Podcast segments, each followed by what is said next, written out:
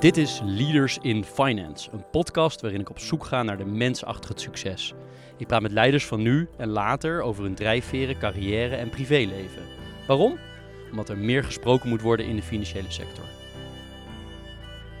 Leaders in Finance wordt mede mogelijk gemaakt door Interim Valley, FG Lawyers en Biscuit. Welkom bij Leaders in Finance. Deze week met Matthijs Bierman, de Managing Director van Triodos Bank Nederland. Nog heel even, want op 1 oktober draagt hij het stokje over aan Pauline Bieringa en zal hij de bank verlaten. Leuk om elkaar te spreken zo op de valreep van jouw afscheid bij Triodos Bank. We kennen elkaar al van een paar keer, uh, een paar keer contacten afgelopen jaren. Uh, en je begrijpt dat ik het extra leuk vond dat ik ook nu voor het eerst in uh, de geschiedenis van Leaders in Finance op de fiets kon komen uh, hier vanuit Driebergen naar jou, jouw kantoor. welkom Matthijs. Dankjewel. Leuk, leuk dat je de tijd hebt genomen. traditiegetrouw spel ik de naam van onze gasten. Dat is Matthijs, M-A-T-T-H-I-J-S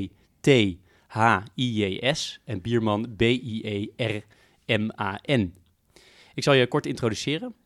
Matthijs groeide op in Friesland en ging naar de middelbare school in Leeuwarden. Matthijs studeerde daarna rechten en bedrijfskunde aan de Universiteit van Groningen. Hij liep stages bij Shell en De Brouw en werkte onder andere voor de Naledi Development Trust in Gaborone, Botswana. Alweer 24 jaar geleden startte hij bij Triodos en klom hij op in ongeveer zeven jaar naar de Managing Director functie van Triodos Bank Nederland. Naast zijn fulltime baan heeft Matthijs tal van nevenfuncties, zoals lid van de Raad van Toezicht van Nivels, een stichting ten behoeve van pedagogisch denken, reflectie en theorie in het onderwijs en opvoeding, is hij bestuursvoorzitter van United Economy, een stichting van duurzaam gedreven bedrijven en organisaties, en lid van de Raad van Toezicht van het Museum Speelklok in Utrecht. En ook interessant te vermelden, hij was non-executive bestuurder van de Akiba Commercial Bank in Tanzania. Dan nog wat cijfers over Triodos. De Nederlandse bank telt circa 350 medewerkers, 350.000 klanten en 5 miljard balanstotaal. Triodos in zijn geheel had in 2019 een balanstotaal, inclusief beheerd vermogen, van bijna 18 miljard, 292 miljoen omzet en bijna 39 miljoen winst. De winst is een klein beetje onder druk gekomen, uh, ongetwijfeld door corona. In het eerste halfjaar van 2020 uh, daalde die naar een kleine 7 miljoen. Triodos heeft circa 44.000 certificaathouders, waarmee in totaal meer dan een miljard euro is opgehaald bij investeerders. Dan nog als laatste over Matthijs ter introductie. Je bent 55 jaar oud, getrouwd. Je hebt drie volwassen kinderen en woont in Utrecht. Dat is een hele mond vol. Waar ik eigenlijk mee wilde beginnen is... Um, kan jij iets zeggen over wie zijn nou stereotyp de klanten van Triodos eigenlijk? Ja, daar is um, zeker wat over te zeggen, maar dat is veel diverser dan sommige mensen denken. Uh, het zijn misschien de wat voor de hand liggende voorbeelden. Mensen die door en door uh, duurzaam zijn, de hele dag bezig met hoe kan ik als burger, als consument me zo duurzaam mogelijk gedragen. Uh, maar er zijn ook een heleboel mensen die um, daar minder diep induiken, maar het een gerust idee vinden dat ze weten dat hun geld alleen maar voor goede dingen wordt ingezet. En dan heb je natuurlijk aan de andere kant van de bank heb je alle ondernemers. Dat zijn er ook tienduizenden die zeggen, ja, als ik voor mijn bedrijf uh, um, uh, um, belangrijke waarden belangrijk vind, dan wil ik eigenlijk samenwerken met andere ondernemers en, en toeleveranciers die die waarden delen. Dus die komen op die reden bij Triodos Bank terecht. Ik probeer het zoveel mogelijk te lezen over de, de gasten. En jij hebt best wel vaak gezegd, of dingen die daarop lijken, wij als mens zijn verslaafd aan geld. Kan je dat toelichten? Ja, uh, we zijn. Kijk, een verslaving is iets waar je eigenlijk zonder dat je het eigenlijk toe wil geven, afhankelijk van geworden bent. Of zelfs slaaf van geworden bent. En wij, wij projecteren al onze onvervulde verlangens en behoeften eigenlijk op geld. Hè. Als, je, als je een beetje onzeker bent uh, over de toekomst, denk je hoe meer geld ik heb, hoe meer veiligheid of zekerheid ik heb. Uh, of je kan het zelfs koppelen aan status en dus in hoeverre mensen je zullen waarderen. Of uh, als je naar je salaris kijkt, mensen vergelijken toch stiekem graag hun salaris met dat van anderen. En, um, en beschouwen dat bijna als, alsof het reflecteert hoeveel je waard bent of zo. Dus we, we gebruiken geld voor veel meer ongemerkt dan alleen maar gewoon dat handige ruilmiddel of oppotmiddel wat het is. En we zijn ook als ondernemers gewend en bankiers uh, om steeds te denken, als we nou zoveel mogelijk alles omrekenen in euro's en dan ons businessplan zo schrijven dat je daar zoveel mogelijk van krijgt, dan doen we het het beste. Met als grootste nadeel dat we heel veel dingen die ontzettend waardevol zijn, maar niet in geld zijn uit te drukken, eigenlijk in de formule niet meenemen. En ongemerkt toch eh, niet de beste beslissing nemen als je holistisch kijkt. En als jij uh, persoonlijk jouw relatie met geld, is, dat, is het belangrijk voor jou? Ja, het is toch belangrijk. Uh, en ik zal heel eerlijk zijn dat ik zelf ook, uh, als ik kritisch naar mezelf kijk, nog niet los ben van, van die, nog niet helemaal los ben van die waardes die mensen aan geld hechten. Ik, ik, ik, voor mij heeft geld toch ook altijd iets van een soort zekerheid. En geld representeert voor mij ook vrijheid. Dat heb ik ook van thuis wel meegekregen. Als je geld hebt, um, ga er zuinig mee om, want het geeft je ook vrijheid om op bepaalde momenten je eigen keuzes te maken. En zo heb ik dat ook ervaren uh, in het leven, dat ik de keuzes heb gemaakt door wat ik het liefste wilde doen en niet wat het meeste geld oplevert. Anders was ik misschien niet 24 jaar bij Triodos gebleven. Dat is een mooi bruggetje, want als je naar die 24 jaar kijkt, dat is ook het leuke aan het interview, hè, dat je op het punt staat om te vertrekken, dat we nog mooier kunnen terugblikken. Maar zie je jezelf nou, hoe zie jij jezelf? Ik kan één suggestie doen, zie je jezelf als bankier of juist als iets heel anders? Ja, ik ben bankier geworden. Maar ik zag mezelf 24 jaar geleden zeker niet als iemand, goh, ik wil zo graag in de financiële sector gaan werken als ik heel eerlijk ben, dacht ik, nou, ik ga een paar jaar bij Triodos Bank werken. Dat vind ik een prachtige uh, huwelijk, zeg maar. Tussen de ene kant maatschappelijk iets willen betekenen, en aan de andere kant toch ook gewoon een nuchtere, gezonde bedrijfsvoering van een commercieel bedrijf. Uh, maar dan ga ik na een paar jaar wel bij een echt bedrijf werken, uh, waar iets gemaakt wordt of zoiets. Uh, maar het was gewoon zo leuk dat ik 24 jaar ben blijven hangen. En dan kom je erachter dat het bankvak wel een heel mooi vak is omdat je heel veel, je echte product is eigenlijk vertrouwen. Krediet, credit. dus dat je, dat je, je krijgt van zowel de mensen die hun geld aan je toevertrouwen, het vertrouwen dat jij verantwoord met hun geld om zal gaan. Maar ook de ondernemers die hun krediet bij je komen halen, die vertrouwen jou ook dat als het een keer moeilijk wordt, dat ze dan een echte relatie met je zullen hebben. En dat je naast ze gaat staan in plaats van tegenover ze gaat staan. Dus um, en dat is denk ik een van de dingen die mij vastgehouden heeft in dit vak. En daar komt dan bij Triodos bovenop. Dat je, ja, dat klinkt misschien wat hoogdravend, maar dat je gewoon meebouwt aan een betere wereld met dat geld wat je is toevertrouwd. En dat is toch wel wat ik, uh, dat is voor mij ook een soort verslaving geweest, uh, eh, 24 jaar lang. Want ik las dat je toen jij startte, dat er, en moet je maar corrigeren als het niet klopt, maar dat er ongeveer 51 mensen werkten en een balanstotaal was van 400 miljoen. Nou, we hebben net in de inleiding gehoord wat het nu is. Uh, wat is er nog hetzelfde met, met toen? Ja, dat, dat, dat zijn de cijfers van toen ik ze, uh, 17 jaar geleden directeur werd van Triodos Bank Nederland. Toen ik bij de bank echt begon, werkten er 33 mensen bij Triodos. Ja, het is bijna allemaal veranderd, behalve de kernwaarden van de bank. Zeg maar, dat kern-DNA, dat is natuurlijk niet veranderd. De, de oprichters van de bank, ooit was het een start-up met zeven mensen, maar dat is voor mijn tijd die hadden eigenlijk als belangrijkste doel om mensen in staat te stellen om bewust met geld om te gaan. Dat is nooit veranderd in die 40 jaar dat de Bank bestaat en dat gaat ook niet veranderen. Maar de uitingsvormen, die zijn totaal veranderd. We hadden toen, ja, zoals je zei, voor Bank Nederland 50 mensen en uh, ik geloof 35.000 klanten of zo. En die konden alleen maar een spaarrekening openen bij ons. Of wat individuele aandelen in een paar beleggingsfondsen eh, van Triodos kopen. En dat was het. En een van de dingen waar ik me de afgelopen 17 jaar dus heel erg hard voor heb gemaakt, is dat wij een bank kunnen zijn waar mensen die dat willen, al hun bankzaken onder kunnen brengen. En in die zin, eh, de grootste stap is daar geweest, denk ik, de introductie van een betaalrekening uh, in 2006. Net op tijd voor de enorme belangstelling die er daarna kwam voor overstappen van uh, bank. Um, want daarmee heb je opeens een echte relatie met je klant, die veel, veel, veel dieper gaat dan als je alleen maar een spaarrekening hebt uh, bij een bank. Dus met dat pasje zijn we zeg maar in de portemonnee van de klant terechtgekomen en we hebben altijd gehoopt dat we daarmee ook een beetje meer in het hart van onze klant uh, konden gaan wonen.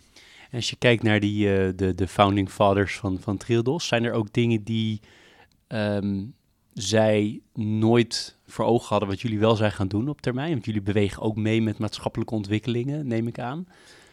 Ja, er, er zijn denk ik wel dingen die zij nooit hadden kunnen bevroeden, die ik zelf ook toen 17 jaar geleden niet had kunnen bevroeden. Maar er zijn ook wel dingen die de oprichters heel graag hadden gewild, die wij nog niet voor elkaar hebben gekregen. Dus dat zou ik ook wel. Maar ik denk dat de hele manier waarop wij nu met ondersteuning van moderne technologie het, uh, het vak uitoefenen. En dat je even op je app, als je door een stad loopt, eh, kan zien welke bedrijven eh, daar in de omgeving met jouw spaargeld zijn gefinancierd. Die, die hele directe terugkoppeling van wat er met jouw geld gebeurt. Ja, dat hadden ze vast leuk gevonden, maar vast niet voorzien. Überhaupt dat wij gewoon zo'n retailbank zouden zijn als nu, hebben zij denk ik toen niet uh, voorzien. Wat in ieder geval Rudolf Mees, een van onze oprichters, heel vaak aan ons heeft gezegd van het zou zo mooi zijn als je voor verzekeringen hetzelfde kan doen. En uh, we hebben ooit een tijdje lang ook een verzekeringsactiviteit gehad, maar vonden dat toch zoiets anders dan bankieren. En om eerlijk te zijn ook zo ingewikkeld om dat beide echt helemaal goed te doen, dat we hebben gezegd, nou we laten voorlopig toch het verzekeren over aan anderen. En ik vind het leuk om te zien dat verzekeringsmaatschappijen in Nederland steeds meer nu ook die handschoen zeg maar oppakken. Uh, hè, om steeds meer, wat gebeurt er eigenlijk met mijn premie? En hoe wordt eigenlijk mijn schade hersteld? En, en wat is eigenlijk dat solidariteitsprincipe bij een verzekering? Dus dat, dat doen anderen. dat is leuk, want we spraken eerder, of ik sprak eerder met Jos Baten van ASR. Die gaf ook al aan dat misschien wel de belangrijkste differentiator van, van hem ten opzichte van andere verzekeraars was toch de, eh, het woord duurzaamheid gebruik je geloof ik liever niet meer, maar de, de, de hele duurzame kant van van de samenleving. Zeker, dat is een goed voorbeeld. Um, voordat we aan dit interview begonnen, heb jij uh, met heel veel trots, en ik denk ook terecht, mij rondgeleid in dit pand waar we nu zitten, hier in, uh, in, uh, in Driebergen. Um, kan je daar kort iets over vertellen? Want ik vind het toch wel heel bijzonder. Ja, tien jaar geleden al zijn we daar aan begonnen, want Triodosbank groeit heel hard en we hadden meer kantoorruimte nodig. En hadden als eerste principe, dat moet dan veel beter met het openbaar vervoer bereikbaar zijn. Dus hebben een plek gezocht naast een, uh, een station in het midden van Nederland. En zijn zelfs teruggekomen op de plek waar Triodosbank 40 jaar geleden is opgericht, landgoed de Reehorst. Um, maar dit is een omgeving met veel cultuurhistorie en ook een belangrijke ecologische functie. Dus de opdracht die ik tien jaar geleden aan de drie architecten, de gebouwarchitect, de interieurarchitect en de landschapsarchitect heb gegeven, is maak nou een integraal ontwerp waar je economische ontwikkeling in balans brengt met ecologische ontwikkeling en respect voor de cultuurhistorie, maar ook de maatschappelijke functies van zo'n landgoed. En um, dat heeft ertoe geleid dat dit een gebouw is wat van hout gemaakt is en niet van beton. En dat het heel erg open is tussen binnen en buiten, zodat je de natuur in het gebouw beleeft. En de medewerkers die kunnen ook buiten, buiten op het landgoed werken, waar overal wifi is als ze willen. En het, het uh, materiaalgebruik is, is uitermate gericht op het circulaire principe. Uh, en ik kan nog uren doorgaan, maar dat is niet het doel van dit interview. Maar ik ben wel heel erg blij dat ik dit project nog heb mogen afronden uh, voordat ik nu mijn volgende stap ga zetten. Ja. En ik kan me voorstellen, je hebt enorme groei doorgemaakt. In de, in in, nou ja, zeker in die 24 jaar, maar ook zeker in de laatste uh, 10 jaar weer opnieuw. Je wil voor jullie is het heel belangrijk, merk ik altijd weer, om de cultuur vast te houden, waarvoor jullie ideologie, waarvoor jullie staan. Je haalt allerlei mensen van, van buiten naar binnen. Hoe, wat doe je eraan om die cultuur ook echt vast te houden? Ja, daar doen we heel veel aan. Uh, maar dat begint natuurlijk al uh, met aan de buitenwereld laten zien waar Triodosbank voor staat, zodat hopelijk de goede mensen die bij je passen op je afkomen. En dan hebben we in het uh, selectieproces daar besteden we daar heel veel aandacht aan. Ik krijg wel eens terug van mensen die we interviewen voor uh, werken bij Triodos. Te zeggen, joh, maar driekwart van het gesprek ging gewoon over wat voor soort mens ik was. En niet wat ik gedaan heb, welke expertise ik heb. En dat klopt ook, want wij willen weten of je een van de dragers wordt van Triodosbank. Die niet alleen maar komt invoegen, maar ook iets komt toevoegen hier. En um, Daarna, als je binnen bent, dan is er een uitgebreid uh, introductieprogramma. En dat, dat houden we bij. We, we hebben heel veel lunchbijeenkomsten waar bijvoorbeeld een klant een inspirerend verhaal vertelt. Uh, value seminars waar je ook collega's uit andere landen ontmoet. Maar misschien wel het allerbelangrijkste is dat we elke maandagochtend samen de week beginnen. Uh, met alle medewerkers van Triodos Bank Nederland. En hetzelfde doen ze in de andere vestigingen van de bank.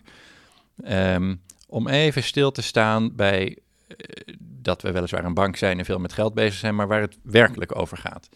En ja, dat is nu in de coronatijd natuurlijk allemaal digitaal. En dat gaat verrassend goed.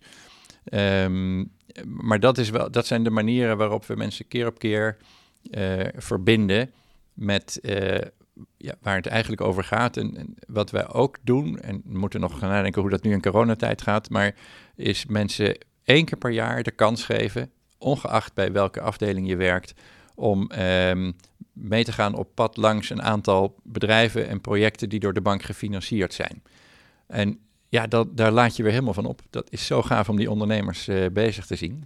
En hoe, je hebt ook wel, wel eens mensen aangenomen die misschien toch niet zo bij de cultuur past als je dacht. Of mensen die misschien na een tijdje wat afdrijven van, van welke nou ja, gedachtegoed je wil uitdragen. Hoe, hoe ga je daarmee om? Het lijkt me heel lastig, zeker als iemand inhoudelijk heel goed functioneert.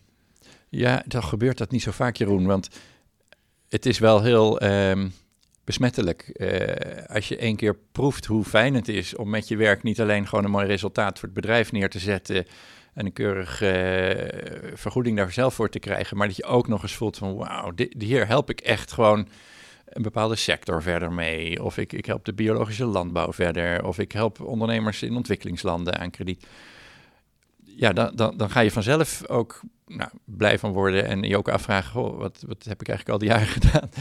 Uh, het is opvallend hoeveel mensen hier solliciteren, zo tussen hun 35ste en hun 42ste zal ik maar eens zeggen, vaak als ze hun eerste of tweede kind gekregen hebben.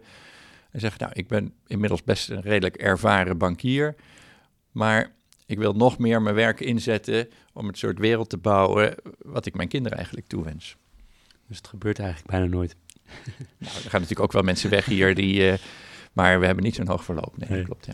Jullie uh, werken uiteraard met opzet uh, met een certificatensysteem. Er is best veel over geschreven, ook de laatste jaren. Ook kritisch, denk ik. Mm -hmm. is dat terecht? Nou, de, de, de opzet vind ik nog steeds briljant vooruitgekeken van de oprichters 40 jaar geleden. Dat je zegt, we zijn een commercieel bedrijf, dus we hebben aandeelhouders nodig, maar we willen niet overgenomen kunnen worden door een grote bankverzekeraar die dan ons, ik zeg het maar even plat Jeroen, maar gewoon als een soort groen vijgenblad voor de rest van de activiteiten uh, gaat hangen. Um, dat is een hele bewuste keuze geweest. Dus het stemrecht is bij het bestuur van het administratiekantoor ondergebracht. Dus die certificeringsconstructie, daar sta ik helemaal achter. Dat is eigenlijk de bescherming van de, van de onafhankelijkheid, maar ook de integriteit van de missie van Triodos Bank. Um, een ander aspect aan die certificaten is dat ze verhandelbaar zijn via een interne markt tegen de intrinsieke waarde. En dus niet onderhevig zijn aan speculatie. Um, grote voordeel daarvan is dat je een hele mooie stabiele koersontwikkeling uh, ziet over de afgelopen 40 jaar. En dus niet met de grillen van de, van de dag, uh, van de ochtend, uh, van het uur op de beurs mee beweegt. Het nadeel van dat systeem is dat je um, veel minder liquiditeit kan garanderen dan wanneer je aan de beurs genoteerd bent. En dan kan het zijn dat er een periode is, bijvoorbeeld in grote onzekerheid, eh, zoals nu in de coronacrisis, dat mensen zeggen, nou voor de zekerheid, ik zie hoe de koersen van de andere banken onderuit gaan. Hmm, ik uh, ga toch een paar van mijn Triodos-certificaten verkopen en dat er wat minder vraag naar is. Ja, daarom hebben wij een tijdje geleden handel daarin stil uh, moeten leggen en hebben gezegd, nou we gaan eerst toch even kijken hoe de coronacrisis op de middellange termijn effect heeft, ook op onze bank. En dan gaan we zo snel mogelijk de handel weer uh, openen. En kiezen jullie dan, uh, hebben jullie een bepaald systeem wie dan als eerst mag verkopen? Want ik kan me voorstellen dat sommige mensen echt liquiditeit nodig hebben. Um, heb je daar een soort van rangorde dan in gemaakt, straks als die weer open gaat? Nou, die, daar wordt nu uh, goed naar gekeken, daar kan ik nu even niet zoveel over zeggen. Um, als we dan nog meer iets naar jou uh, toedraaien, mm -hmm. kan jij iets delen, wil je iets delen over hoe je bent opgegroeid? Ja, ik wil wel iets over delen. Ik ben, ben geboren in Den Haag, maar al snel naar Friesland verhuisd. En um, ja, Friesland heeft toch wel ook mij veel gegeven, het wonen daar. En tegelijkertijd ben ik altijd ook wel een soort importfries gebleven. Dus dat uh, laat je als jonge uh, jong mens ook wel nadenken van waar hoor ik nou eigenlijk bij? En, en dat, dat spanningsveld tussen het individu dat je bent en, en de gemeenschap waar je toe hoort, dat vind ik altijd wel een spannend spanningsveld voor, voor een mens. Dus dat heb ik daar ook wel van meegekregen, denk ik. uit mijn vaders familie is het, dat is een familie van juristen, artsen, vrij intellectueel. Um, voor mijn vader was een van de hele belangrijke waarden vrijheid. Um, hij was doopsgezind, dus je gaat je kinderen niet vertellen dat ze lid van een bepaalde kerk zijn. Nee, dat moeten ze later zelf uitmaken. En dat staat eigenlijk voor überhaupt hoe hij erin stond. Mensen moeten hun eigen verantwoordelijkheid in eigen vrijheid kunnen nemen. Mijn moeders familie um, is echt een familie van mensen die klaarstaan voor anderen. Uh, dus in de dienstverlenende beroepen ook veel artsen en um, daar gaat het in eerste instantie om wat je voor de ander doet. En als je dat heel veel gedaan hebt, dan mag je misschien voorzichtig een klein beetje aan jezelf gaan denken, zeg maar. Echt noblesse oblige. En um, ik heb mezelf toen ik net directeur was ook wel eens even stevig afgevraagd. hey, dat is wel opvallend. Uh, een, uh, een, familie waar je toch eigenlijk een hoge maatschappelijke positie geacht wordt te bereiken. En een familie waar je je voor de maatschappij hoort in te zetten in de dienende sfeer. En dan ben ik toevallig directeur van Triodosbank geworden. Heb ik dit nou echt zelf gekozen of ben ik vooral de verwachtingen van mijn, van mijn vorige generaties aan het invullen? Dus daar heb ik toen serieus ook wel even wat, wat soul-searching voor gedaan. Ben uiteindelijk tot de conclusie gekomen dat het antwoord op die vraag misschien niet eens zo heel belangrijk is. Want misschien heeft dat wel meegespeeld in de keuzes die ik gemaakt heb. Maar inmiddels voelde ik mij zo ongelooflijk goed op mijn plek hier bij Triodosbank. En tevreden met die... Ik heb het altijd gemerkt, Jeroen, bij uh, het, het, geven van lezingen of, of, of interviews aan, aan, bijvoorbeeld ook hele kritische journalisten. Dat ik, ik ben daar, ik vind het altijd spannend, maar ik ben daar nooit met angst in gegaan. Zo van, oh, ik hoop maar dat ik niet de verkeerde dingen zeg. Want ik heb altijd gezegd, ja, ik kan gewoon zeggen wat wij doen, want daar zijn we apen trots op. En, en heus doen we niet altijd alles goed en slim en zo snel als we zouden willen. Maar uh, we hebben niks om ons voor te schamen, niks te verbergen. En dat, dat heeft het wel altijd heel, uh, heel makkelijk gemaakt. Waar was je in de jeugd het meest uh, gepassioneerd over, het meest enthousiast? Tot, totdat je ging studeren, een hele lange tijd. Maar... Ja, nou zeilen is er één van. ik ben al heel jong zeilinstructeur geworden in, in Friesland. Dat vond ik ontzettend fijn om te doen. Ja, en als onzekere puber zit je een beetje zo uit je ooghoek te gluren naar al die leuke meisjes in de klas die je helemaal niet durft aan te kijken en durft te vragen. Ik zal niet zeggen dat het een passie was, want dan had ik het durven uiten, maar dat vond ik altijd wel spannend.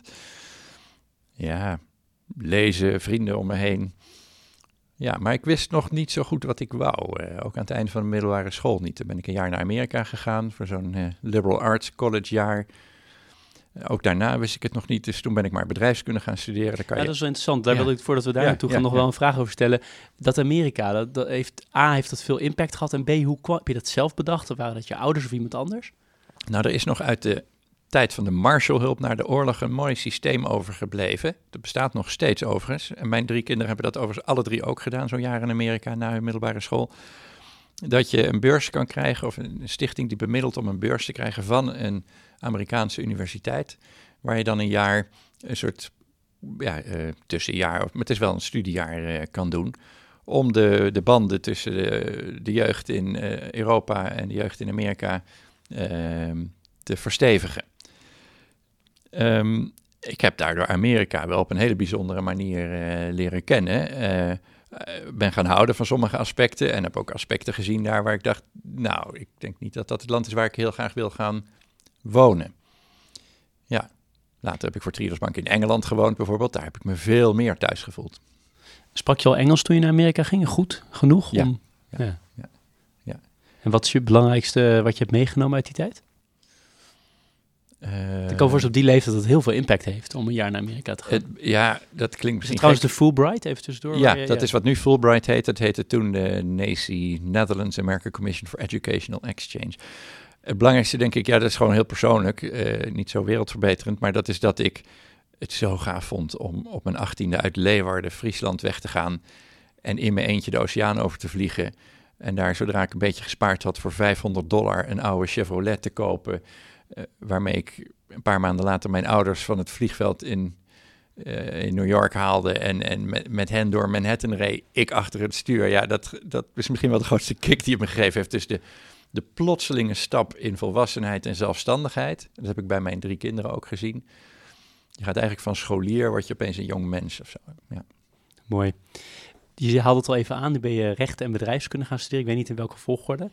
Ja, ik ben eerst bedrijfskunde gaan studeren. Uh, vanuit een soort vaag idee van, nou, misschien is het wel heel leuk om later leiding te gaan geven. Um, en dat vond ik wel heel breed, maar ook een beetje oppervlakkig. Het enige vak waar ik echt passie bij voelde in mijn eerste jaar bedrijfskunde was uh, rechten. Want daar krijg je natuurlijk ook een stukje van. En toen dacht ik, nou, laat ik dan ook rechter erbij gaan doen, om te kijken of ik dat leuker vind. En toen ik erachter kwam dat ik rechten zo leuk vond dat ik het helemaal af wou maken, was ik inmiddels over met bedrijfskunde dat ik een stage voor Shell in Singapore kon gaan lopen. En dacht, nou, die kans ga ik me ook niet laten ontschieten. Dus, eh, maar waarom vond je rechten zo leuk? Omdat je bij rechten ontdekt dat die hele complexe samenleving van ons, ja, die moet je met z'n allen in goede banen leiden. Um, dat je daar dus uh, heel veel afspraken over kan maken met elkaar. En in een rechtsstaat ook kan zorgen dat, je, dat, dat we elkaar eraan houden aan die afspraken. Ik vind het mooiste voorbeeld, als dat heel even mag. Um, er was toen een casus van iemand die had elektriciteit afgetapt van zijn buurman. En die werd natuurlijk uh, beschuldigd van diefstal. Maar die zei: nee, uh, diefstal is als je iets pakt van een ander. Maar ik heb evenveel elektronen aan hem teruggegeven als ik van hem gepakt had. Dus ik heb helemaal niks gestolen dan is de bepaling die de Romeinen 2000 jaar geleden al eh, bedacht hadden. Hè, diefstal is het um, jezelf iets toe-eigenen met het oogmerk van wederrechtelijke toe-eigeningen. Met andere woorden, je weet gewoon donders goed, het is niet van jou en je pakt het om het te houden. En ja, dat gaf mij zo'n bevrediging dat de Romeinen daar al zo goed over nagedacht hadden dat het nu nog steeds in het tijdperk van elektriciteit uh, werkt. Ja. En waarom niet doorgegaan aan de juridische kant? Heb ik heel serieus overwogen. Ik heb met ontzettend veel plezier toen ook stage gelopen bij eh, De Brouw in Amsterdam. En moest toen nog een dienst. Dus heb in plaats daarvan die drie jaar in ontwikkelingssamenwerking in Botswana gewerkt. En inmiddels was ik Peter Blom van Triodos tegengekomen en gefascineerd geraakt door het model van Triodos Bank. Maar als ik dat niet had op mijn pad had gekregen, was ik misschien wel de advocatuur ingegaan. Ja, denk je echt dat je als, je, als dat toevallig niet gebeurd was, dat je nu uh, partner was bij de brouw en, en? Ja, ja, ja, als, als, als. Ik weet het niet, maar ik vond het advocatenvak, en dat lijkt me nog steeds, uh, ongelooflijk boeiend vak. Inmiddels uh, ben ik me gaan specialiseren in mediation. En dat ligt best daar dicht tegenaan. Alleen kom je dan niet voor één partij op. Maar ga je twee partijen of meerdere partijen zorgen dat ze echt met elkaar in gesprek komen om samen een oplossing te bereiken die niet jij voor ze verzint, maar die ze zelf verzinnen. Nou, dat ligt er niet zo ver vanaf, maar is wel een andere insteek. En ik denk dat dat nog beter bij me past dan advocatuur gepast zou hebben. En waarom Shell? Vind ik toch leuk om even te vragen, gezien de, de context waarin we nu zitten. Ja, ja. ja, daar kreeg ik ook toen hele kritische vragen over. Uh, van, van mensen die zeggen, ja, maar Shell, uh, Zuid-Afrika, boycott, uh, waarom ga je bij Shell werken? En ik was gewoon een jonge, ambitieuze bedrijfskundestudent die dat een prachtige kans vond. En ook een heel mooi bedrijf met hele leuke mensen die er werken. Um, dus die heb ik met beide handen aangegrepen. En ik denk, om heel eerlijk te zijn, dat mijn echte hele kritische opstelling van wat doen bedrijven eigenlijk allemaal, wat voor impact hebben ze op de wereld, ook meer van daarna is gekomen dan dat ik dat toen al zo heel sterk in me had. Maar ik vond het echt geweldig hoor daar. Je noemde al even uh, Peter Blom, die, die kwam je tegen. Uh, was dat meteen een enorme inspiratiebron voor jou? Ja, ik, ik vond hem, uh, het verhaal wat hij vertelde over Triodos Bank, uh, maar ook hoe hij dat doet, vond ik heel inspirerend. En um, um, ik heb toen ik in Botswana zat, ben ik gegatecrashed bij een conferentie in Johannesburg, niet zo ver, vier uur rijden.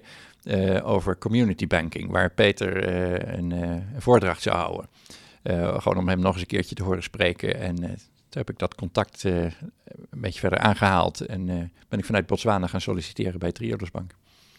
Je tijd in Botswana was een jaar of drie, geloof ik, als ik het goed heb. Ja. Um, wat was dat voor tijd? Wat heb je daaruit meegenomen en hoe heb je dat ervaren? Ja, dat was voor ons echt het begin van het getrouwde leven. We gingen eigenlijk weg als twee pas afgestudeerde uh, Groningers uh, en kwamen terug als een gezin met twee jongetjes uh, die in Botswana geboren waren. Maar het was voor mij ook een eerste echte ervaring met ja, je, je, werk en verantwoordelijkheid. En wat doe je er eigenlijk mee? Wat probeer je te bereiken? Uh, dus een hele bijzondere ervaring. Maar ook zo super om dat met z'n tweetjes uh, te doen. Je bent natuurlijk heel erg op elkaar aangewezen. Dus het is ook een goede test meteen voor je huwelijk. Nou, daar zijn we goed doorheen gekomen. en uh, na die vruchtbare jaren daar als gezin teruggekomen. Ja, dat is toch een vormende periode geweest. En ik heb daar ook van geleerd dat ontwikkelingssamenwerking, hoe goed bedoeld in die tijd ook, onbedoeld vaak toch wel afhankelijkheid bevestigde in plaats van onafhankelijkheid stimuleerde. Met veel geld en zogenaamde experts, waarvan ik er dan eentje zou zijn. Nou, pas afgestudeerd, wat wist ik nou eigenlijk? Dan had mijn vrouw daar nog meer impact. Die is logopedist en werkte daar met gehandicapte kinderen.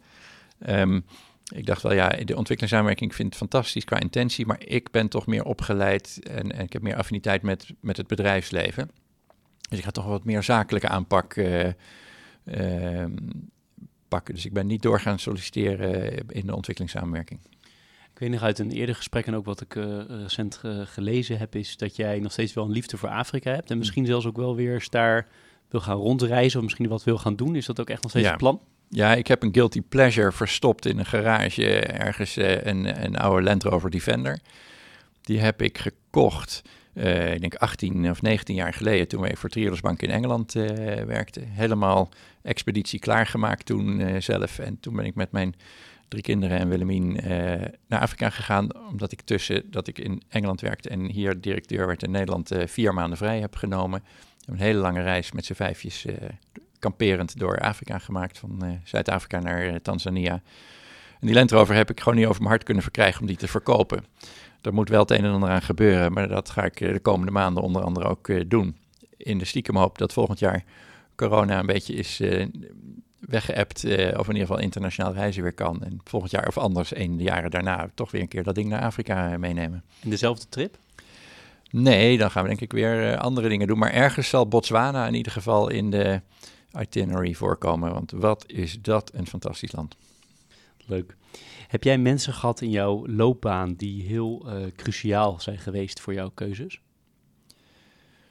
Um, voor jouw denken? Je hoeft niet ja, zoveel, te noemen, maar, zoveel, zoveel. Ik denk dat wat bijvoorbeeld van hele grote invloed op mij is geweest, want ik wist helemaal niets van bankieren toen ik hier begon. Ik begon ook gewoon als assistent kredietmedewerker.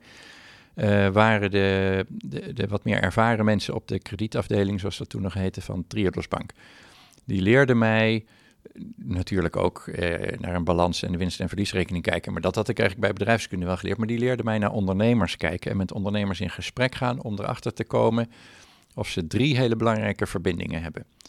Eén, de verbinding uh, met een krachtige uh, verbinding met een ideaal, wat ze, waar ze het echt voor doen. Nou, tegenwoordig noem je dat purpose. Uh, twee, een hele duidelijke verbinding met de economische realiteit. Staan ze, zij of, uh, of hij met beide poten op de grond? Hebben ze een degelijk plan?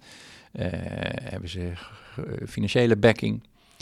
Um, leveren ze ook iets wat echt toegevoegde waarde voor hun klanten levert, zodat ze ervoor willen blijven betalen?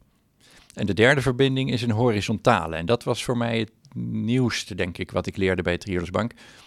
Um, zowel intern in hun organisatie als de verbinding met de buitenwereld is het een, ja, zo noemen we dat binnen Triodos, een gezond sociaal organisme. Maar zeg maar gewoon, is het een club waar, uh, waar alle medewerkers goed tot hun recht komen, waar de dingen die de, de pionier van het bedrijf zelf niet heeft aangevuld worden door andere mensen die echt gewaardeerd worden daarvoor.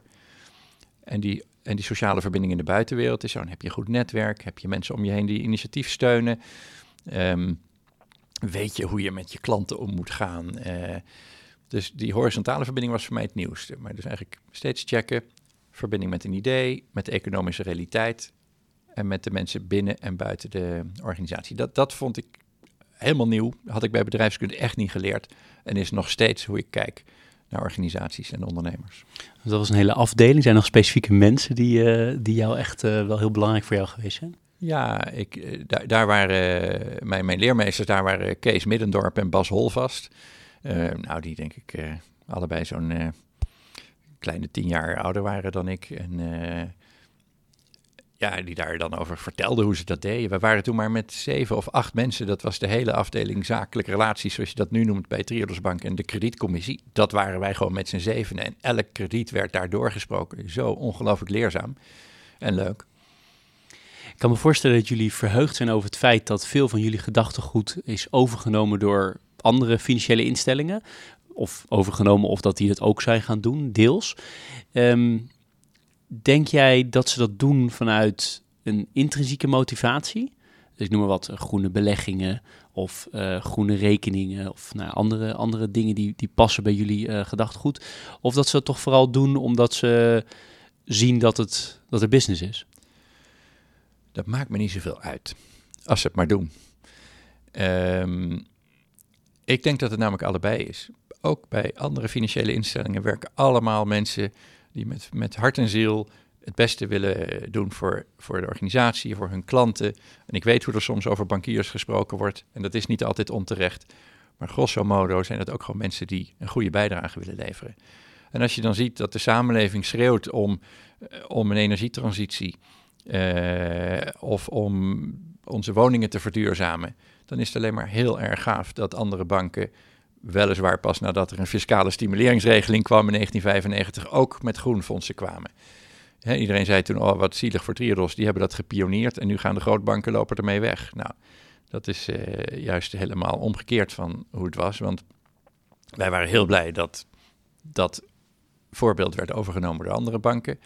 Uh, wij hadden toen, geloof ik, 30 miljoen gulden in ons groenfonds zitten.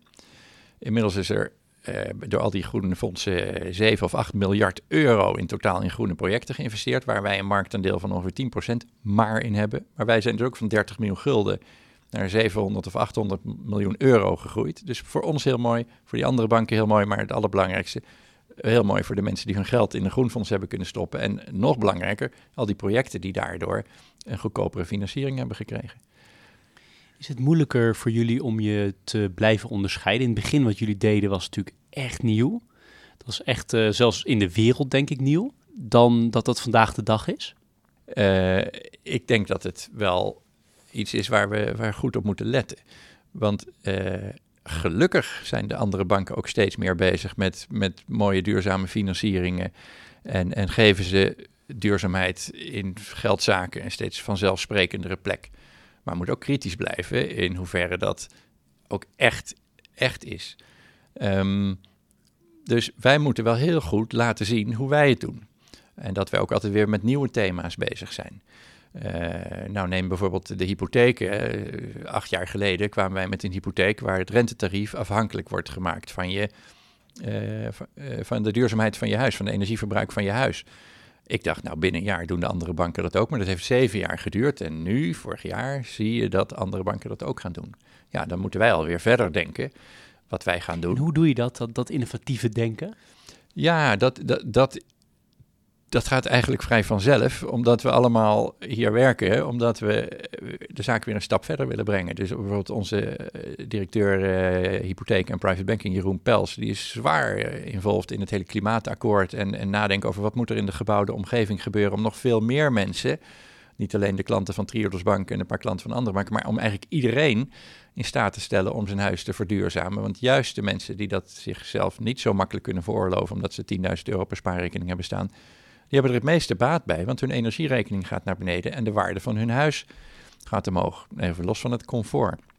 Dus die verantwoordelijkheid pakken en daarin voorop lopen, dat is hoe we dat invullen. En inmiddels krijgen onze klanten nog weer gratis energieadvies en uh, nog een, een, een, lening met maar de helft van de rente als ze nog weer een volgende stap zetten om hun huis te verduurzamen. Dus ja, we proberen daarin steeds weer voorop te lopen. Ik sprak recent met uh, Nout Wellink, uh, van de, de, de ex-president van de Nederlandse Bank. En die zei: Het is zo ongelooflijk belangrijk om mensen van buiten toe te laten. Hoe bedoel je dat? Mensen, om van, buiten mensen van buiten toe te laten tot jouw organisatie. Om steeds maar weer scherp te blijven op wat je doet. Doen jullie dat ook of komt het meeste toch uit de organisatie zelf? Je bedoelt mensen als adviseurs of mensen die je scherp houden, Precies, prikkelen. mensen die heel anders naar dingen kijken. Nee, ja, ja, ja, ja. Dat is echt wel een goed punt eigenlijk. Maar ik denk dat wij dat wel heel erg doen om mensen van buiten uit te nodigen. Uh, Alleen onze certificaathouders op de certificaathoudersvergadering stellen heel veel kritische vragen. En dat kan de ene keer zijn van kan, dat, uh, kan de winst niet wat omhoog? En, en twee minuten later kan een ander vragen, is de winst niet te hoog? Moet Triodos Bank niet zich meer richten juist op zijn maatschappelijke rendement? Uh, maar ook al die mensen die hier komen werken, die vaak bij een andere bank gewerkt hebben, die, die hebben heel veel kritische eh, opmerkingen over hoe wij soms de processen organiseren. Daar leren wij ontzettend veel van. Dus nee, we proberen juist heel erg open te staan voor die nieuwe input. We hebben bij uh, Leaders in Finance ook altijd een luisteraarsvraag, die ik uh, niet van tevoren voorleg. Um, die komt deze week van um, Cecile van Oppen. Zij is medeoprichter van Copper 8, een trouwe klant. En ze zegt, dit hoef je niet te zeggen, mag wel, maar ook fan van Triodos. Um, en misschien ook leuk om te noemen dat wij, zegt zij, net als uh, Triodos uh, B Corp gecertificeerd zijn. Deze week uh, las zij een artikel in, het, in de Financial Times met als kop in het Engels: We need a new asset class of healthy soils and pollinators. Dus de, de bevru het bevruchten ja. of bestuiven. Uh, een zin uit het artikel die daar onder een foto stond, uh, zet ik er nog zelf even bij. Dat is namelijk: A Chinese farmer uh, pollinates a tree by hand in Sichuan province. A loss, a total loss of, of, nature's pollinators could lead to a drop in annual agricultural output of more than 200 billion. En zij zegt met andere woorden: we moeten de natuur een economische waarde toekennen. Het grootste nadeel van dit fenomeen is vaak dat je het idee wekt dat de natuur te koop is. Maar is het alternatief, de natuur als gratis bron, niet veel slechter omdat het tot exploitatie leidt? Hoe kijk jij of Triodos naar deze materie en uh, denk jij Matthijs dat het mogelijk is om een asset class te introduceren voor de natuur? Jeetje, wat een goede vraag, Cecile. Nee, echt, echt een hele goede vraag. En nog niet zo eenvoudig hoe je daar naar moet kijken. Maar ik ik ben het eens met de kritische vraag die Cecile stelt over dat idee van je moet, een, je moet dat dan een economische waarde geven. Ik denk dat dat het begin van een hele hoop ellende is. Ik geloof wel dat initiatieven zoals True Pricing, hè, waar je de milieueffecten en de sociale effecten laat zien in de prijs die je een consument ergens voor laat betalen, dat dat hele waardevolle initiatieven zijn, omdat ze ook bewustzijn stimuleren. Maar om natuur een economische waarde te geven, dat is dat is een denkfout. Want dan blijf je in dat economische fundamentalisme hangen dat alles in geld moet worden uitgedrukt. Nee, ik denk de echte waarheid is dat wij naar ecologisch realisme moeten gaan. Dus dat we echt gaan beseffen dat wij onderdeel van de natuur zijn, onderdeel van een heel complex, maar ook prachtig ecologisch systeem zijn. En wij moeten leren leven als onderdeel van dat systeem en onszelf er niet buiten plaatsen en het exploiteren of denken dat wij dat helemaal kunnen manipuleren of kunnen economiseren. Uh, maar goed, eh, Cecile vraagt, uh, hoe moet je dat dan doen? En ik denk dat uiteindelijk je moet zeggen dat die landbouwgrond, e-, even tussenzin, maar er zit gemiddeld om de aarde maar 60 centimeter vruchtbare grond. En we zijn heel hard bezig om die grond uit te mergelen en kwijt te raken door uitputting, door erosie. We zijn voor ons overleven afhankelijk van dat hele dunne laagje vruchtbare grond. En dat moet je eigenlijk niet zeggen, ja, dat is van mij, dat is van jou. Het mooiste zou zijn als we kunnen inrichten dat dat eigenlijk van ons allemaal is. En dat we allemaal de verantwoordelijkheid hebben om daar zo mee om te gaan dat de bodemvruchtbaarheid juist bevorderd wordt in plaats van wordt uitgeput. Maar ik geef direct toe, dat is filosofisch en abstract. Hoe je dat moet doen op grote schaal weet ik niet precies. Wat ik wel wil noemen daarbij is dat er op kleine schaal, ook in Nederland, juist in Nederland, schitterende initiatieven zijn om landbouwgrond in de dode hand te brengen, in de neutrale eigendom te brengen, zodat boeren tegen een eerlijke pachtprijs, niet een afgeleide van de idioot hoge grondprijzen nu, op een echte, volhoudbare, uh, natuurinclusieve manier landbouw uh, kunnen bedrijven.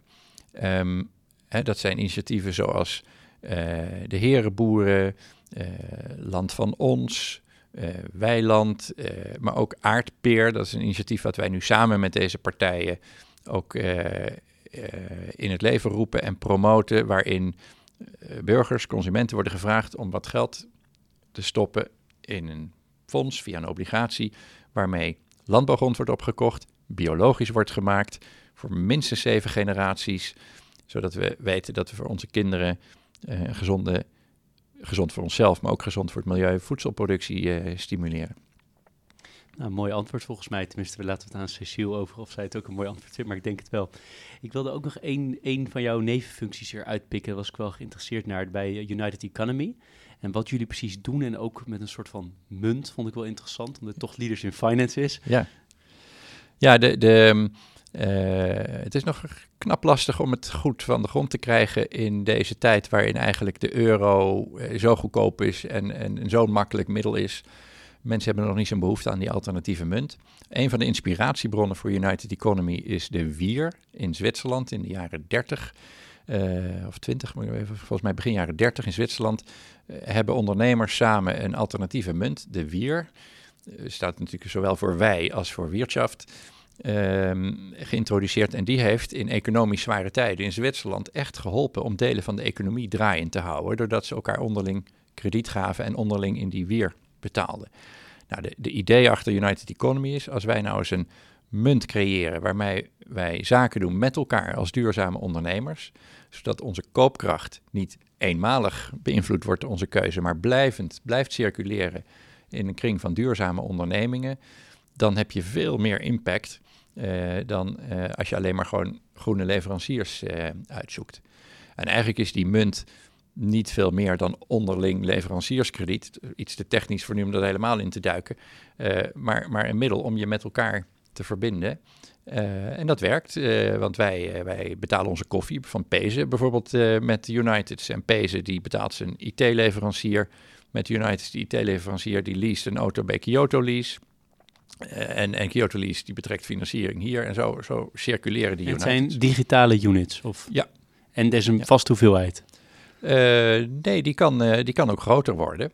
Uh, want eigenlijk, het is dus onderling leverancierskrediet. Dus als jij meedoet en ik geef jou onderling leverancierskrediet, dan creëren wij op dat moment United. Maar er zit geen speculatief element, er zit geen rente aangekoppeld. En op het moment dat ik de tegendienst lever, dan is die weer opgeheven, zeg maar. Ik kan me voorstellen dat er toch heel veel energie in moet pompen om dat gaande te houden. Ja, dat, uh, ja interessant. Heel interessant om, uh, om te horen. Een ander iets wat ik je wilde voorleggen is uh, iets wat ik in mijn privésfeer heel vaak bediscussieer met familie. En dat gaat over als jij um, in hoeverre je cognitief dissonant mag zijn over wat je, wie je bent, bijvoorbeeld in privé en hier op het werk. Uh, hoe, hoe, ga je daarmee om? Dus een paar voorbeelden. Uh, ik, noem maar wat. Ik verzin het nu. Maar in hoeverre mag ik wel uh, plofkip vlees kopen en vervolgens hier werken? Of hoeverre mag ik verre vliegreizen maken en toch hier werken? en hoe kijk je er zelf naar? Ja, dat is een goede. Um, soms denken mensen wel eens, je bent directeur van Triodos nou dan zal wel alles in jouw leven het meest duurzame van heel Nederland zijn. Nou, ik noemde al mijn guilty pleasure van de Land Rover. En toen mijn kinderen in Amerika zaten, ben ik ze allemaal ook gewoon met het vliegtuig daar gaan opzoeken. Dus uh, ik ben ook maar een mens. En ik denk dat het een verlammend idee is. Je zegt het is alleen maar goed als je opeens alles op de meest duurzame manier doet. Bij iedere keuze die we maken, moeten we er opnieuw over nadenken.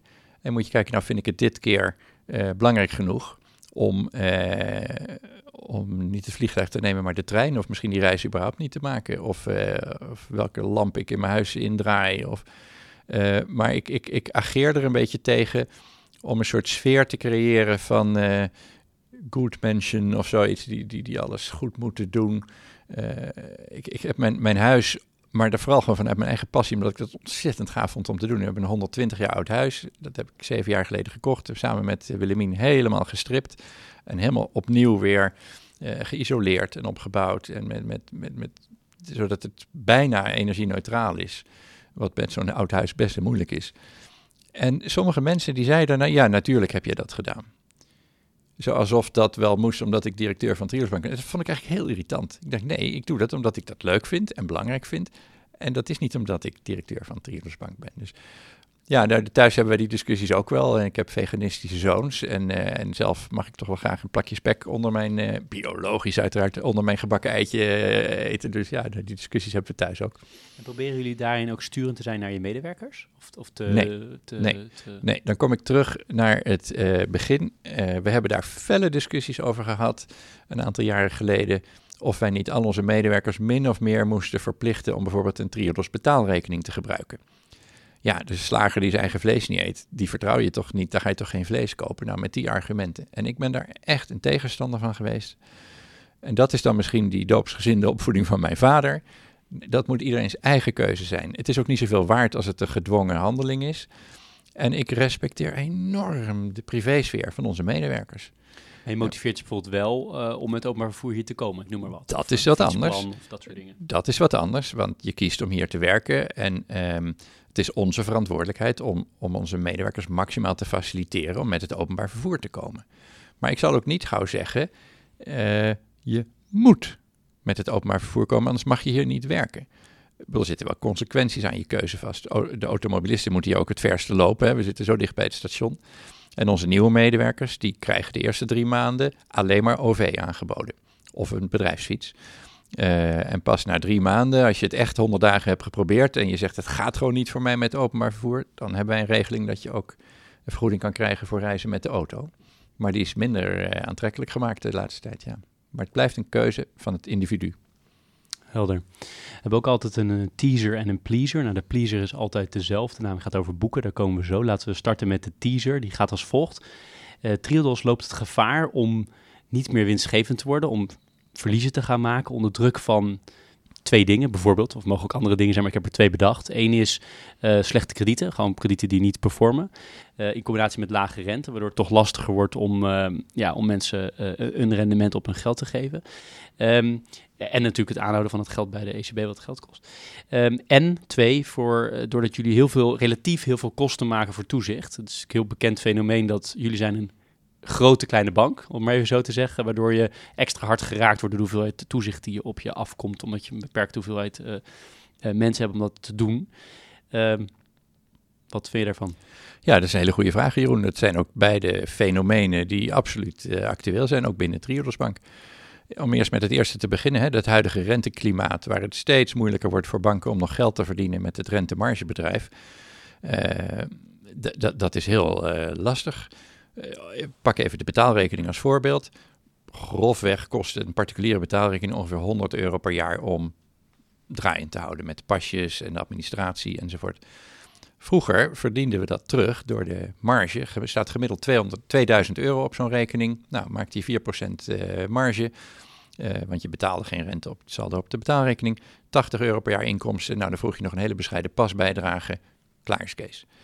Ja, die rentemarge is echt helemaal weggevallen bij de betaalrekening. Want dat is wel geld wat je direct liquide moet houden. Ehm, dus het enige wat erop zit, is die betaalrekening duurder maken. Ehm, en eh, ja, dat vindt, eh, vinden klanten niet leuk. Maar goed, je ziet wel dat alle banken elkaar natuurlijk een beetje in de gaten. En, eh, ehm, maar wij voeren daarin gewoon echt ons eigen beleid. We zeggen, ja, het moet gewoon kosten wat het kost. En we gaan niet de ene stakeholder eh, benadelen om een andere stakeholder een cadeautje te geven. Dus Maar Ja. het holt wel je winstgevendheid uit. hè. Ik heb ook met Ali Nicknam gesproken van Bunk. Die zegt, ben tonnen aan het wegdragen ja, op, dat moment, op, op die manier. ja nou, ja, het is misschien ook niet voor niks dat, dat ABN AMRO nu toch stopt met MoneyU. Eh, het is heel moeilijk om alleen maar een kleine retailbank met met name betaalrekening als product eh, te hebben. De- Of je moet je klanten daar de volle prijs voor laten betalen. En dat, ja, dat vinden we ook eigenlijk dat je dat moet doen. Ehm, dus dat is de, de rentemarge. Je, noemde ook nog de mogelijke verliezen. Eh, je, het is altijd al zo geweest, je gaat door periodes heen. Eh, Twaalf jaar geleden eh, is er ook zo'n periode ingeluid, zo'n eerste kredietcrisis. Dat werd een financiële en later een economische crisis. Daar hebben wij ook kredietverliezen gemaakt. Gelukkig nooit zoveel dat we in de rode cijfers gingen. Maar Triodos Bank Nederland, waar ik voor verantwoordelijk was, heeft twee jaar gekend toen waar we weinig winst hebben gemaakt. Ehm, of de coronacrisis nu ook weer zo'n periode inluidt, moeten we nog zien. Eh, dat weten we niet, maar gewoon door de, hoe, de, hoe de regels werken, hebben we nu al wel daar voorzieningen voor moeten treffen. En je, in de inleiding refereerde je daar al aan. Ja, dat drukt wel de winst over 2019. Eh, 2020, eh, sorry. eh, en en eh, ja, dat is niet anders. Maar ehm, dat hoort gewoon ook bij bankier zijn. Dus in de goede jaren bouw je buffers op en in de slechte jaren heb je die buffers een beetje nodig. En Triodos Bank is uitermate conservatief gefinancierd met een van de hoogste leverage ratio's, zo niet de hoogste in, in Nederland. Dus daar kunnen we daar echt wel eh, heel wat hebben. En je tweede teaser, wat was het andere? De, het tweede deel was het Oh ja, de, toezichtskant. Ja, De, de kosten van, de, van het toezicht. Ja, dus de banken hebben een, een enorm belangrijke maatschappelijke rol, met name dan die poortwachtersfunctie. Ehm, en dat is voor een eh, relatief kleine bank eh, natuurlijk, ja, je moet door dezelfde ehm, goedkeuringsmechanismen heen, door dezelfde hoepeltjes springen, om het populair te zeggen. Ehm, en dat brengt voor ons hoge kosten met zich mee. Dat geldt overigens voor de grootbanken ook. En ik weet niet eens of die kosten voor ons verhoudingsgewijs nou zo heel veel groter zijn. Want het is ook ingewikkelder in zo'n grote complexe organisatie. Maar het, eh, nou, ik geloof dat uh, op het ogenblik meer dan 10% van onze mensen bezig is met die functie van de bank. En dat levert geen euro op. Dus je hebt een heel terecht punt. Dat zijn hoge kosten. En ook die moeten we wel doorbelasten aan onze klanten. Aan de pleasende kant zijn er bepaalde boeken die jou erg hebben geïnspireerd? Of een boek wat je vaak cadeau geeft aan iemand? Nou, dit boek zou ik alleen maar cadeau geven aan vrienden die ook zeilen. Maar ehm, dat is het boek uh, The Riddle of the Sands van Childers. Die heeft dat uh, helemaal aan het begin van de vorige eeuw geschreven. Het is een prachtig soort spionageverhaal dat zich op de Waddenzee, de Nederlandse en de Duitse Waddenzee, afspeelt. Hij heeft ontdekt dat de Duitsers uh, in het geheim een invasie van Engeland aan het voorbereiden zijn. En uh, in zijn eentje in een houten scheepje op de Wadden in oktober, november, ruig weer, probeert hij dat Duitse... Dit is echt gebeurd? Dat, nee, dit is een fantasieverhaal, maar het is geschreven door iemand uit de Britse diplomatieke dienst. Die wilde de Britten wakker schudden voor de mogelijkheid dat de Duitsers dat misschien aan het voorbereiden waren. Dus heeft toen dit verhaal verzonnen. Maar voor de Waddenzeilers, uh, ik weet dat jij wandelt rond ter Schelling, dus je, je, je kent dat gevoel van dat zuigende modder aan je schoenen. Uh, ik zeil dan graag op de Wadden. Uh, het wordt met prachtige detailbeschrijvingen die voor iedere niet-zeiler waarschijnlijk uitermate boring zijn over hoe dat varen op die wadden in, in het donker door de mist, uh, hoe dat gaat en hoe die daar in zijn eentje uh, probeert dat complot uh, te, te, ontmaskeren. En lees je graag in zijn algemeenheid? Ja, maar ik kom er eigenlijk alleen in de vakanties echt aan toe. En wat voor genres hebben we het dan over? Uh, nou, ik zit in een boekenclubje met een paar vrienden uit Zeist. En uh, we zorgen dat we niet één genre pakken, maar steeds weer hele verschillende dingen. Dus soms is het, uh, is het een roman, soms is het een echte filosofische nadenker. Bijvoorbeeld zo'n boek van Rutger Bregman hebben we dan gelezen. En daar praten we echt over door. Dat is werkelijk van alles. Maar helaas kom ik er te weinig aan toe. Wie weet nu iets meer straks, maar... Heb je nog een paar titels uit je hoofd waar je denkt dat zou ik willen lezen? Of dat heb ik net nog gelezen recent? Uh... Oh, ik heb nog allemaal boeken van Geert Mak in mijn kast staan. Dat in Europa. Ja, daar hoor ik van iedereen dat dat geweldig is. Maar ja, die, die, die dubbele pil, daar ben ik gewoon nog niet aan toegekomen. Ja. Het meest genoemde boek tot nu toe in de Leaders in Finance uh, serie is Ilja Leonard Pfeiffer, Grand Hotel Europa. Ja, het meest die genoemde. Heb, die heb ik dan ook gelezen. Ja, ik kan me voorstellen. Ik vond dat een heel mooi boek. Ja. leuk. leuk ik vraag ook altijd uh, zo op 90% van het, van het gesprek of je bepaalde tips hebt aan mensen die nu beginnen met hun loopbaan. Dat is een leuke vraag. Ja, um, kies echt waar je zelf in gelooft en wees daarin ook jezelf. Uh, ik heb dat zelf een beetje moeten ontdekken ook. Um, toen ik directeur werd hier, dus 17 jaar geleden, toen heb ik toch twee jaar te veel last gehad van het idee dat ik uh, zoveel mogelijk moest zijn als, als Peter Blom bijvoorbeeld, of, eh, of een paar andere mededirecteuren die veel ouder en ervarener waren dan ik. En pas na een tijdje heb ik mezelf de vrijheid gegeven om mezelf daar echt helemaal in te zijn. En uh, ik zou jonge mensen toewensen dat ze dat, en dat zie ik eigenlijk ook, die generatie van mijn kinderen dan zeg maar, die, die zijn veel onafhankelijker. Die zijn meer, meer oorspronkelijk en individueel. En om, om dat vast te houden uh, en gewoon echt jezelf te blijven. En als je ergens zit waar je gewoon jezelf niet meer kan zijn, dan echt na te denken of je wel op de goede plek zit. Um, en wat heeft jou geholpen om zo te worden? Want de mensen zullen natuurlijk altijd vragen, maar hoe dan? Ja, het heeft natuurlijk ook met zelfvertrouwen te maken wat je in de loop van de jaren opbouwt. Maar dat viel ook samen met het moment waarop Triodos Bank Nederland echt een aparte business unit werd. Eh, losgekoppeld van het hoofdkantoor en investment management. En ik dus eigenlijk mijn eigen toko kreeg, eh, om het even zo te zeggen. En opeens werd ik ook gedwongen, maar ook in staat gesteld om echt op mijn eigen manier te doen. Om zelf een managementteam te vormen en op, op, op mijn manier, zoals ik graag leiding geef, mensen heel veel ruimte geven, heel veel verantwoordelijkheid geven en ze echt vertrouwen dat ze naar mij toe komen als, uh, als ze me nodig hebben. Um, maar ze het laten voelen ook dat ik ze vertrouw. Uh, dat is mijn stijl, en, uh, maar dat moet bij je passen. Iedereen heeft zijn eigen stijl, maar toen heb ik echt mijn eigen stijl durven pakken. En ook gezien dat dat is wat de bank op dat moment nodig had en wat werkte. En uh, daar komt denk ik dan vervolgens het zelfvertrouwen vandaan dat je steeds meer jezelf durft te zijn. Maar ik heb daar blijkbaar best lang voor nodig gehad, ja. Zijn we ook nog wel, ik ben vooral heel erg benieuwd naar wat gaat Matthijs Bierman nu precies doen? We hebben het persbericht kunnen lezen dat je in de, je noemde het al eerder in dit gesprek, uh, aan de mediation kant, dus toch de juridische roots die nog een beetje daar knagen waarschijnlijk. Maar wat ga je nou exact doen? Ik ga partijen die met elkaar in conflict zijn helpen om er samen uit te komen. En dat uh, ga ik zowel doen in het bedrijfsleven, dus binnen bedrijven, denk aan aandeelhoudersconflicten of uh, tussen een, een ondernemingsraad en een raad van bestuur.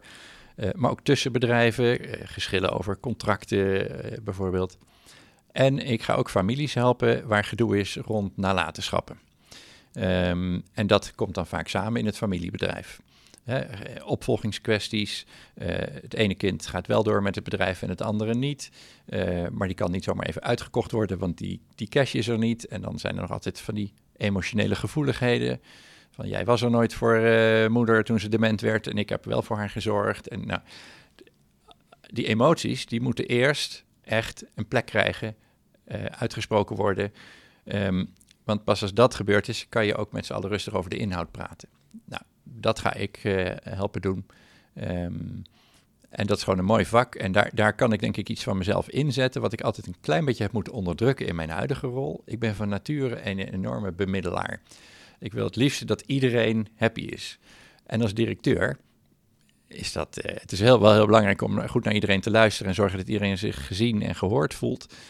Maar op een gegeven moment moet je een knoop doorhakken en dan is dat het ook. Uh, maar ik had altijd nog iets te veel tijd voor mensen die na het nemen van zo'n besluit er nog eens een keer op terug wilden komen. Dat kreeg ik ook altijd kritiek van mijn uh, collega's. Maar ja, dat is een beetje mijn aard ook. En ik denk dat ik met die aard juist hier een, een beroep gevonden heb, wat bijna misschien eens een beetje een roeping zou kunnen zijn. In ieder geval een beroep waarin ik thuis kom. Wat, is je, wat zijn je één, twee of drie belangrijkste tips voor je opvolger? Het allerbelangrijkste tip is in deze wereld waarin een soort geïnstitutionaliseerd wantrouwen het bedrijfsleven binnenkruipt en al helemaal de bankwereld. He, dus alles moet worden vastgelegd en gedubbelcheckt en, en uh, geaudit en, en in protocollen vastgelegd, is het ongelooflijk belangrijk dat je dat genoeg omarmt van het hoort er nou een keer bij, maar dat je voorkomt dat je een geprotocolaire protocolaire organisatie wordt, waarin mensen niet meer voor zichzelf gaan nadenken. Dus eh, hoe zorg je nou dat je een bruisende uh, onderneming blijft, waar ideeën komen, waar mensen vrijheid voelen om met ideeën te komen en ze ook op durven pakken en niet bang zijn dat ze dan geweldig hard op hun vingers getikt worden omdat het niet in protocol 13c past. Uh, dat lijkt mij een belangrijke zorg voor, voor zeker voor banken, maar ook in het onderwijs, in de gezondheidszorg. Die, die druk van het protocol, die eigenlijk komt uit een soort angst voor dingen die mis zouden kunnen gaan. En ons, ons overdreven geloof in een maakbare samenleving en een maakbaar pro protocol om alle risico's weg te managen. Ja, ondernemen is ook risico's lopen. Als je dat er helemaal uit probeert te drukken, dan is het A niet meer leuk, maar B ook niet meer effectief. Dus dat, dat zou mijn belangrijkste tip zijn om te zorgen dat we dat voldoende omarmen. Dat dat er gewoon nou een keer is, dat het erbij hoort, maar dat het niet onze manier van samenwerken en leven in organisaties gaat bepalen. Los van geestelijk, blijf je op een formele wijze betrokken bij Triodos? Ja, ik uh, ben uh, bestuurder bij de stichting Triodos Foundation. Uh, en dat, dat blijf ik nog, nog, jaren doen. Ik weet niet, ik ben pas net begonnen, dus dat mag ik nog een heleboel jaren doen. En dat lijkt me een heerlijke manier om nog minstens zes keer per jaar hier in dit gebouw te komen. En, en misschien nog als klant en certificaathouder wellicht. uiteraard, dat ben ik altijd al geweest en dat blijf ik ook zeker. Voordat ik je ga bedanken uh, voor je tijd in dit gesprek, uh, zijn er nog dingen waarvan jij zegt, Jeroen, dat vind ik nou jammer dat je niet hebt gevraagd? Of dat had ik graag zelf nog willen vertellen? Dan is dit het goede moment daarvoor. Nee, dankjewel. Ik heb... Uh... Ik vond het een heel leuk interview, want jij bent hele verschillende kanten op gegaan en goede vragen.